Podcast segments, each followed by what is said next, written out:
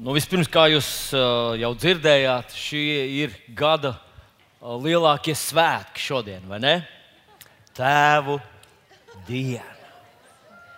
Kas var būt lielāks par tēvu dienu? Vai mēs svinam to otro gadu vai, vai, vai trešo gadu? Nu jā, bet nekas lielāks par to būt vairs nevar. Nu, Jā, es varbūt tur tādu nelielu ironiju to piesaku, jo mums tēviem parasti liekas, ka, nu, nu ko jūs tur, ko jūs tur. Nu, vismaz man tā ir. Nu, tā kā tāda, tā kā tāda kritiska attieksme pret sevi. Nu, ko tad es, ko tad, ko tad uh, mēs, jā. Mēs divi tādi esam, tā ar Aivaru. nu, jā. Bet, uh, šodien kā reiz ir vēl viens svētki, un eh, viens ļoti labs mans draugs, ebrejs eh, draugs, šodien atsūtīja man apsveikumu, ka šodien sākās ebreju jaunais gads. Un tas ir 5779. Nesajauc nevis 5778, bet 5779. gads. Un es domāju, ka jaunais gads ir laba reize, kad kaut ko pamainīt savā dzīvē. Tēvi, ko? Nu, ja tas tā sakrīt, tēva dienā sākās ebreju jaunais gads, tad varbūt mēs arī kaut ko savā attieksmē varam mainīt un būt pateicīgi uh, Dievam par to, ka Viņš mums ir ļāvis būt tēviem. Un kā es izlasīju kaut kur, tikai pašiem labākajiem tēviem tiek dota privilēģija kļūt par vectēviem. Halleluja! jā, tu arī esi vectēvs jau? Aha, nu jā.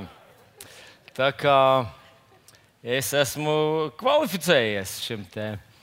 Ja tu vēl neesi tur, tad saņemies, lūdzu, jo cerams, ka tu arī nonāksi tajā īpašajā kategorijā.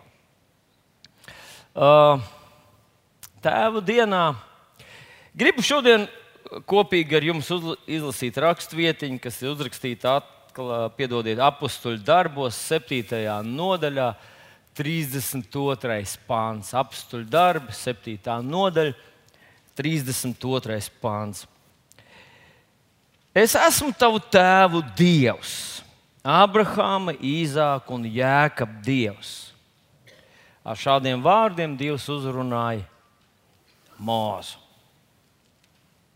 Es esmu tavu tēvu Dievs. Nu, ziniet, kādreiz Bībeli lasot tādu sajūtu, ka, nu, ka tēvi ir tie īstie. Tēvi ir tie, no kuriem viss ir atkarīgs. Ja tēvs to neizdarīs, tad nekas nebūs. Es atceros viens uh, viens jauns vīrietis aizbrauca uz tādu vīru konferenci, un, un viņš atbrauca mājās un teica, tā, es tagad zinu, kurš te ir ģimenes galva. Turpmāk būs pareizi. es esmu ģimenes galva. Nu, un punkts. Nu, un tad viņš sievu neredzēja. Mm, trīs dienas, tikai trešajā dienā, kad pampums sāka noiet no acīm, mazliet viņš ieraudzīja savu sievu. Un, protams, ka tas ir joks, jā, tā ir anekdote. Bet uh, es gribētu vienkārši, vienkārši atgādināt, ka ir tāds apelsīns Pāvils kādā vietiņā runājot uz vienu no jaunās darbības apstuļiem, Timoteju. Viņš saka viņam tādus vārdus, ka viņš nepiemina viņa tēvi, Viņš piemin viņa veco māti un māti. Un viņš saka, kāda patiesa varonīga ticība mīta tavā vecajā mātē, Loidā, 2. Timoteja 1,5 un tavā mātē Eunīkā.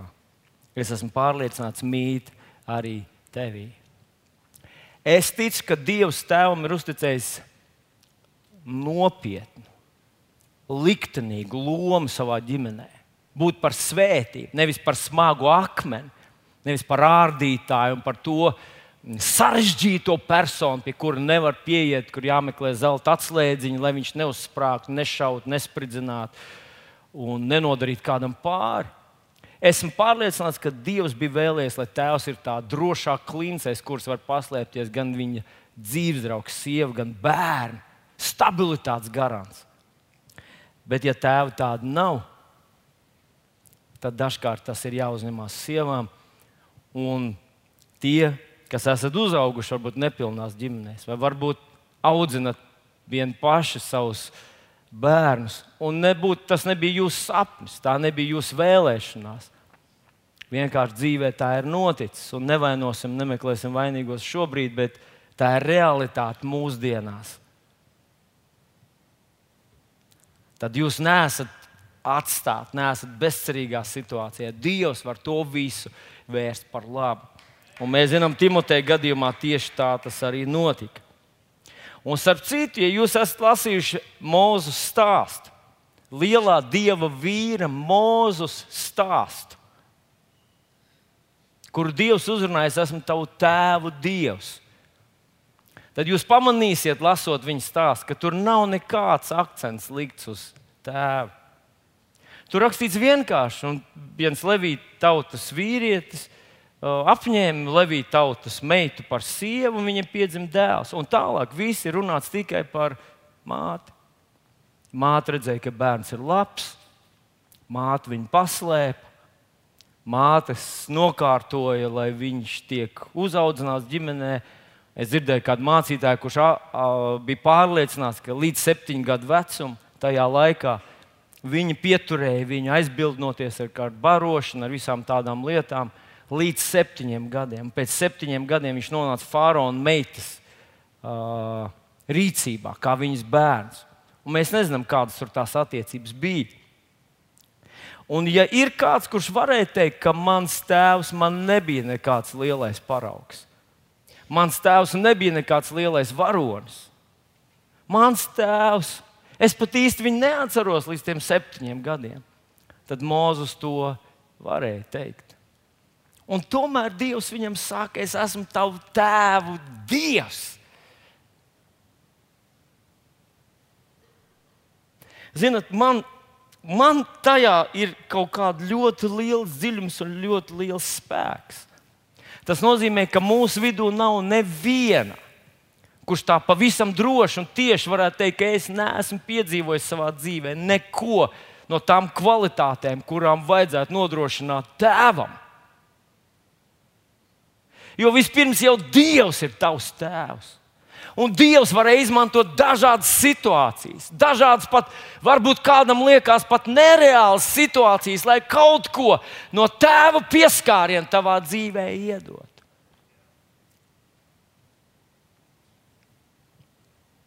Un viņš to, es esmu pārliecināts, ka viņš to arī dara.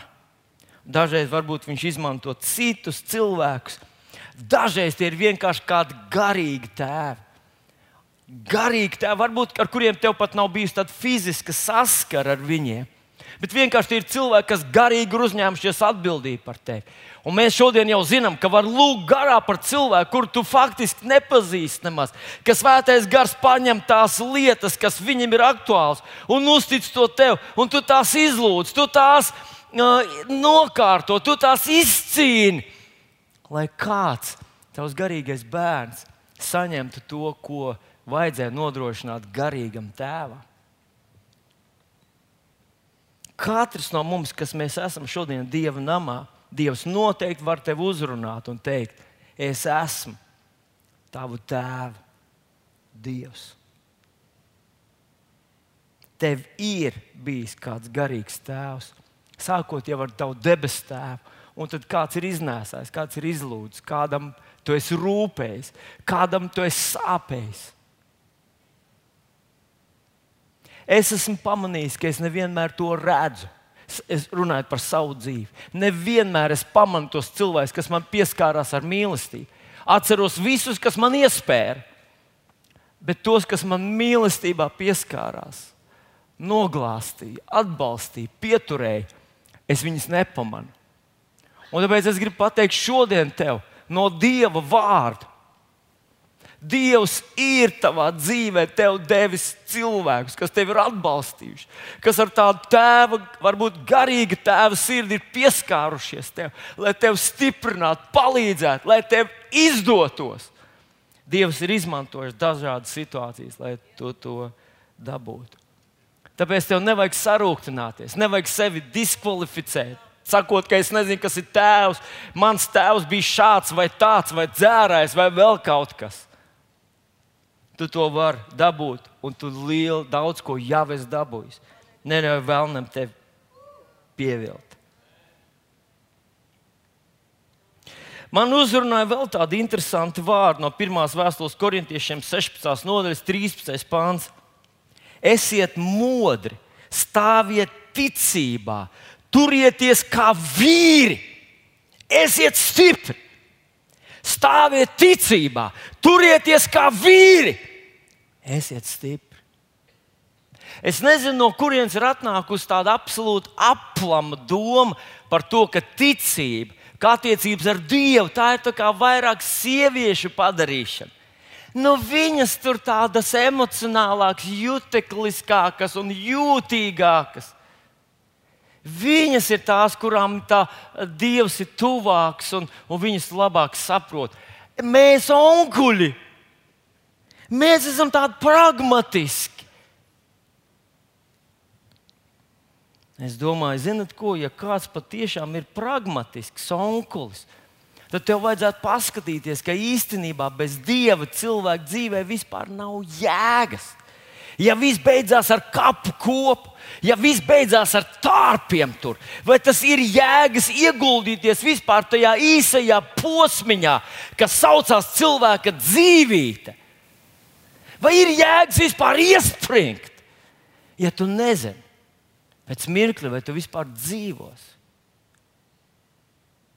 Es zinu, ka šodien vairs nav modē staigāt pa kapiem, bet savā laikā, kad mēs, uh, kad mēs uh, uh, es augu, mēs uh, gājām uz Golgātas Baptistu baznīcu, un mēs gandrīz uh, nedēļā četras reizes gājām cauri lielajiem kapiem. Atbraucām līdz uh, līdz ar autobusu 32. no Jūglas atbraucām, pārbraucām gaisa tiltam, pāri izgājām caur lieliem kapiem, uz dievkalpojumu nācām atpakaļ caur lieliem kapiem. Nu, ļoti mums bija sportisks dzīvesveids. Ja, Svētdienā mēs nostaigājām kaut kādus 5 km tikai uz baznīcu vienu. Un gājām vienmēr caur kapiem cauri. Un tad kādreiz nesteidzāmies, skaties, visi visādi uzraksti. Tur bija fonds šitāds un fonds tāds un, un vēl viss kaut kāds.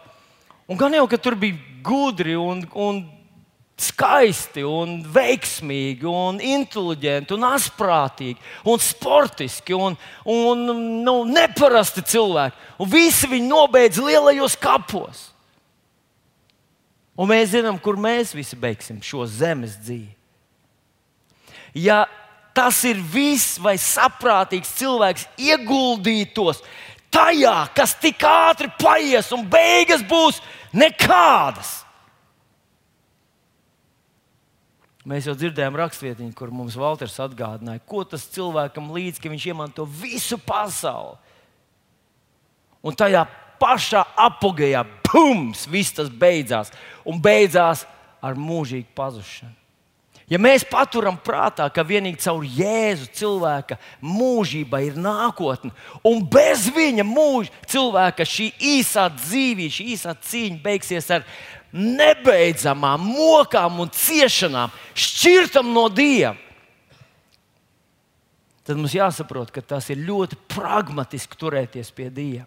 Un šeit tieši Pāvils runā par to, ka ticība tā ir vajadzīgs spēks, tā ir vajadzīgs kaut kāds vīrišķīgs kategorijas. Tas nav viegli, tās nav emocijas, tās nav sajūtas. Jo pēc sajūtām mēs nevaram turēties īsti pie Dieva. 2. korintiešiem 5, 7. Pāvils saka, jo mēs dzīvojam ticībā un neskatīšanā. Mēs nedzīvojam sajūtās. Mēs nedzīvojam tajā, ko jūtam, redzam, sataustam, sadzirdam, sagaršojam. Mēs dzīvojam ticībā. Un tas nav viegli, jo mūsos ir katrā mūsos ir divi cilvēki. Viens ir tas, kurš dzīvo pēc miesas, viņam gribas dzīvot pēc miesas. Tas ir viņam normāli, tas viņam saprotami. Tā saucot, likšu pēdiņās, tā saucot, Tomas zinātniskā metode. Dzīvot pēc tā, ko var pataustīt un redzēt. Un otra ir, ir uh, spēja dzīvot ticībā. Pāvils Romiešiem 8. nodaļā saka, ka miesas cilvēki tiecas pēc miesas lietām Tas nozīmē tie, kas dzīvo pēc sajūtām. Tas neobligāti uzreiz ir uh, kāds noziedznieks vai laulības pārkāpējs. Cilvēks, kurš vienkārši dzīvo pēc dabīgajām, tā, ko redz, tā, ko var sataustīt, saprast, pārbaudīt. Viņš saka, ka tas, kurš pēc miesas dzīvo, viņš mirs. Tas noved pie nāves, tas noved pie depresijas, bezcerības, tas noved pie apātijas un vilšanās, sarūktinājuma uz visu pasauli. Ja tu dzīvo pēc tā, ko tu tikai vari sataustīt, mm, pārbaudīt, pieskarties, sasmaržot pēc savām piecām maņām, tas lēnām noved pie bezcerības, pie vilšanās un pie nāves. Bet tas, kurš dzīvo pēc dieva gribas, tas, kurš dzīvo garā, un tas nozīmē paļaujas uz dieva apsolījumiem, paļaujas uz dieva vārdu, tās dzīvos. Tā kā dzīvot ticībā, tas nav viegli. Tur vajadzīga kaut kāda tāda varonība, drosme un vīrišķība. Un esmu pārliecināts, ka vīriem tas ir ļoti dabīgi. Ka ļoti dabīgi ir vīram ticēt Dievam. Ļoti dabīgi ir vīram saprast, ka jā, viņš izmanto tos savus da, dieva dotos dabīgos resursus, bet tas nav viss. Ir kaut kas vairāk, kaut kas lielāks, kaut kas nozīmīgāks, kaut kas mūžīgs. Nu, kaut vai, kaut vai mēs padomājam, padomājam par to, kā viss ir radies. Nu, beidziet! Sprādziens! Sprādziens! Uzsprāga un radās brīnišķīgā zeme. Nu, kurā vēl pas, uz, uz kāda vēl uh, no, no planētām ir vēl sprādziens noticis? Tā brīnišķīgā kārtība, harmonija, gudrība, kas ir ielikta dabā, ielikta cilvēkā, tā ir autors. Un viņam ir kāds plāns. Bet ļaujiet man pieskarties vēl vienai rakstvietiņai, un tā ir uzrakstīta psalmu grāmatā. 127. psalms, 3. un 4. pāns. Lūk, bērni ir tā kunga dāvana, un bērnu svētība mums ir viņa atlīdzība. Bērni ir tā kunga dāvana. Aleluja! Bērni ir dāvana. Ceturtais pāns. Jaunības spēkā dzemdinātie dēli ir kā būtas stipra vīra rokā. Svētīgs tas vīrs, kas ar tām pildīs savu būtu maksti. Tie nepaliks kaunā, kad tiem jāsastopās vārtos ar saviem ienaidniekiem. Man ir jāmēģina to pateikt pavisam īsi. Jūs ievērojat, ka bērni vai dēli ir kā būtis. Tas galīgi nesaskan ar mūsdienu 21. gadsimta filozofiju. Bērni ir būtis. Nu, kā jums nav kauna? Bērni nav būtis. Bērni ir mazi ķēniņi, kurus apkalpoja uh, būtis. Un tie ir tēvs un mamma. Bērni tie, kas piedod jēgu mūsu dzīvei. Ja te ir rakstīts, ka bērni, dēli ir būtu stipri vīrokā, tad mūsdienu filozofija saka otrādi, ka tikko tev piedzimst bērni, tā tu kļūsi par būtu. Tev jāiet uz darbu, tāpēc, ka tev ir bērni, tev jāpelnā vairāk, jo tev ir bērni, tev jāiet uz skolu, tāpēc, ka tev ir bērni, tev jāmācās uzvesties, tāpēc, ka tev ir bērni, tāpēc, ka tev ir bērni, tev jākļūst par cienījamu cilvēku bērnu dēļ. Un bez šaubām mēs ietekmējam savus bērnus. Bet es gribu lai mēs padomājam to, ko vārds mums cenšas šeit pateikt, un esmu pārliecināts, ka viņš tieši to mums cenšas pateikt. Viņš cenšas pateikt, ka bērni nav mūsu radības kronis. Bērni nav tas mazais elks, kuram, uz, uz kura altāra mēs atdodam savu dzīvi, atdodam savu spēku, savu zināšanu, savus iekrājumus, viss, kas mums ir. Ka bērni ir tie, kas, tas vārds mums cenšas pateikt, ka bērni ir tie, kas turpinās to lielo misiju, to lielo uzdevumu, kas tev savā dzīvē ir. Un viņš šis vārds uzskata, ka tu tēvs, tev ir šis lielais uzdevums, šis lielais redzējums, šī lielā misija, šis lielais sapnis. Un tāpēc tavi bērni, kurus, protams, tev vajadzēs gādāt par viņiem, rūpēties, barot un apģērbt un aizstāvēt, Bet viņi iegūs ne tikai savu dzīvi no tevis, viņi iegūs šo lielo sapni, redzējumu, un vīziju un misiju. Un viņi būs laimīgi. Tavu bērnu būs laimīgi, ka viņiem ir viņa dzīvē jēga un uzdevums.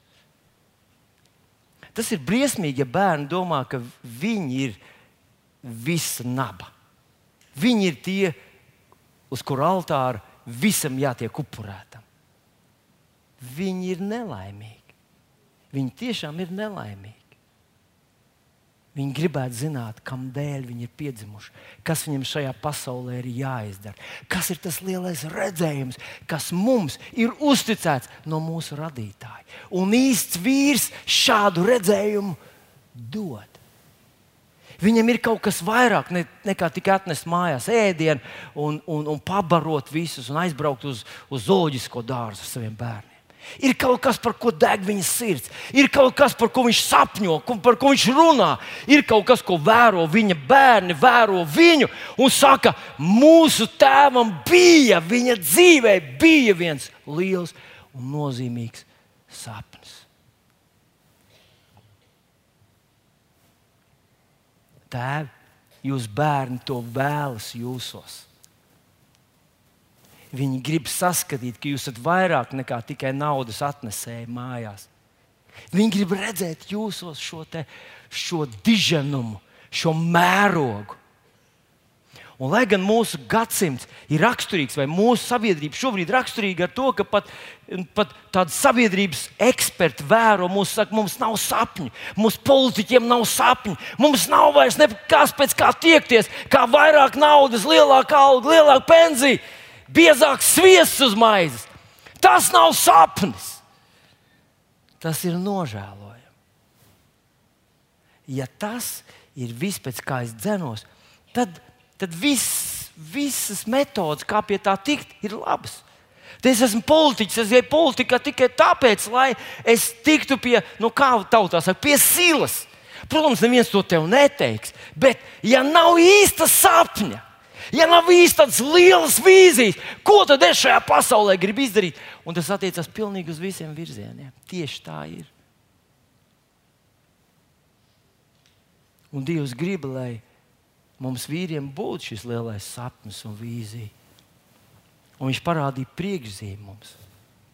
Mēs to nosaucam, ielikām tādu atgādinājumu. Es ceru, ka tev arī katru, katru dienu pulkstenis deviņos atnāk atgādinājums uz tavu mobilo telefonu - mācekļi. Kas ir mācekļi? Cilvēki. Cilvēki. Jēzus atnāca šeit pasaulē, lai glābtu cilvēkus. Un tad šo sāpju, šo rūpu par cilvēkiem viņš uzticēja mums. Tie bija kādi gadi atpakaļ, ka manā dzīvē bija tāds savāds periods. Es nezinu, ceru, ka va, varbūt ka tas ir pilnīgi lieki un neviens, nevienam nav nekā līdzīga bijis. Bet es ieju lielveikalā, es gribu ļoti ātri tikt no viņa ārā. Es ieju iekšā, un man, ziniet, es ar nostalģiju atcerējos tos padomu laikus, kad tu veika, lielveikalā. Tur bija entie koridori un plaukti tukši. Neviens tur negāja, jo tur nevienam neko nevajadzēja. Bet tur kaut kas bija sakrāmēts. Te tagad, ja tu ieej mūsdienu lielveikalā, tur nav neviens kambarīts, kur tu varētu paslēpties. Visur kāds ir. Un, ja tu pie kāda plaukta nostājies, vienmēr kādam vajadzēs tieši to, kas tev aiz muguras. Un es pieķēru sevi, ka man nu, kaitina tie cilvēki. Īpaši, ja mēs ar līgu ieejam, viņi tur sāk šķirot banānus, tur kurš. Um, nu, nu, tas viņai paprasta pusstundu apmēram. Viņi tur viņus svēra un tausta un, un, un spaida un tā tālāk. Un es pacietīgi stāvu. Un, ziniet, tajā vietā, kur es stāvu, vienmēr kādam vajag tieši to, kas tur man aiz muguras. Es jau tā nolūkoju kaut kādu nu, vietu, kur es domāju, nevienam šito nevajadzēs. Nē, kā par spīti, vienmēr kāds bažās virsū un grib tikt garām tur, kur paņemt to, kas tev aiz muguras. Un man, es domāju, ko tie cilvēki visi saskrējuši uz to lielveikalu? Kas viņam kaiš? Un es tev teicu, Vilni, kas ar tevi notiek? Tev nepatīk cilvēki. Tev jāiemīl cilvēki. Un es mērķiecīgi sāku lūgt Dievu, kungs, kas notiek? Es esmu mācītājs jau tik ilgus gadus. Man patīk cilvēki. Man patīk, kas ar maniem notiek. Dievs, es gribu viņus atkal mīlēt. Un tad es staigājot pa lielveikalu, sāku skatīties cilvēku sejās un ieraudzīt viņos, kādi viņi dedzīti kristieši, kādi viņi dievu bērni, kā mēs debesīs visi kopā tur staigāsim, svinēsim, dejosim, priecāsimies, atcerēsimies, kā tur uz zemes gāja un cik forši, ka tā ir mums stāv priekšā. Nebeidzam, nebeidzam, nebeidzam, nebeidzam mūžību. Vīri, tas ir tas, ko Dievs ir ielicis tavā, arī tavā sirdī. Cilvēki nav tavi konkurenti. Cilvēki ir tie, kam dēļ mēs ar tevi vēl šeit esam. Un katrs bērns gribētu redzēt savu tēvu, kurš, ir, kurš mīl cilvēkus, kur, kuram patīk cilvēki, kurš ir draugs ar visiem. Tas nav nekas labāk, kā tavs tēvs ir, ir, ir tāds atvērts sirds cilvēks, kurš grib katru darīt par Kristus mācekli, jo pats ir Kristus māceklis. Jo tu nevari kādu darīt par mācekli, ja tu pats neesi. Un tas ir Dieva dotais. Tā lielā vīzija tavai dzīvei. Darīt par mācekli. Mazāk latviešu ellē, maksimāli maz manu tautiešu ellē. Nevienu no maniem draugiem ellē. Es gribu viņam palīdzēt labāk viņi sadusmojās uz maniem šodien, ka es esmu pārāk uzbāzīgs, netaktisks nekā pastarā tiesā. Un tiesa būs reāla tiesa.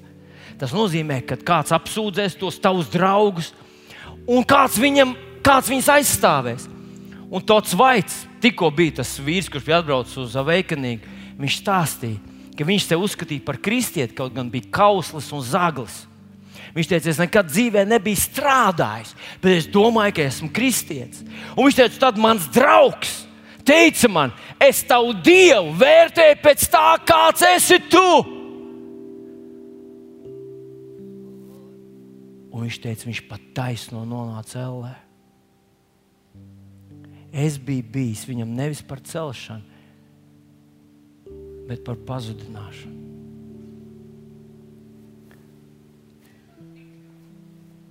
Un es gribētu nobeigt šodien ar šiem Kristus vārdiem draugs, vīrs, tev ir tava vieta. Tu esi tam atbilstošs. Tev ir pareiza konstitūcija, tev ir pareiza uzbūve, tava dvēsele ir radīta, lai tu būtu par svētību saviem bērniem.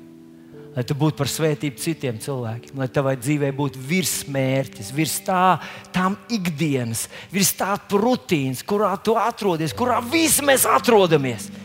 Ir kādi, kuriem ir liela redzējuma, liela sapņa. Es gribu cilvēkus aizvest uz debesīm. Un tu to varēsi izdarīt. Tev tikai jāsāk ar to, ka tu pats esi patiesa Kristus māceklis. Jēzus vārdā. Halleluja. Piecelsimies kājās.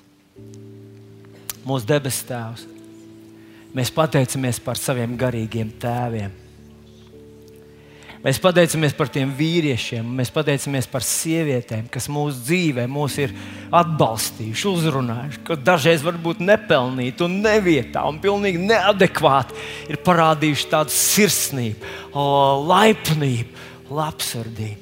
Es pateicos par visiem tiem, kas manā dzīvē man ir atbalstījuši, svētījuši, kas ir ticējuši tam pelēkajam, neko neizsakojušam um, pusaudzim. Paldies Tev par manu tēvu! Paldies Tev, debes Tēvs! Un šodien es lūdzu par mūsu latviešu zemi, par mūsu latviešu tautu, lai mūsu vidū būtu tādi vīri un tādas sievas arī. Cilvēki, kas mīl cilvēkus, un kuriem ir viens sapnis un vienas ilgas, lai visi mani draugi un visi mani paziņas, lai viņi nebeigtu ellē, lai viņi nobeigtu debesīs. Halleluja! Kungs palīdz mums paņemt to savā sirdī, šo tavu pavēlu, šo tavu misiju, darīt par mācekļiem cilvēks. Palīdz mums pieskarties katram vīram un katrai sievai ar patiesu Dieva mīlestības pieskārienu. Palīdz, Lūdzu, mums, Kungs. Kungs, palīdz, Lūdzu. Palīdz mums atmosties mums vīriem atmosties mūsu vīrišķībā. Palīdz mums pamosties tajā, ka mēs neesam mazi, vāji un bailīgi. Esam ekipēti, esam svētīti, esam svaidīti. Mēs varam ietekmēt pasauli. Mēs varam ietekmēt cilvēkus uz labu.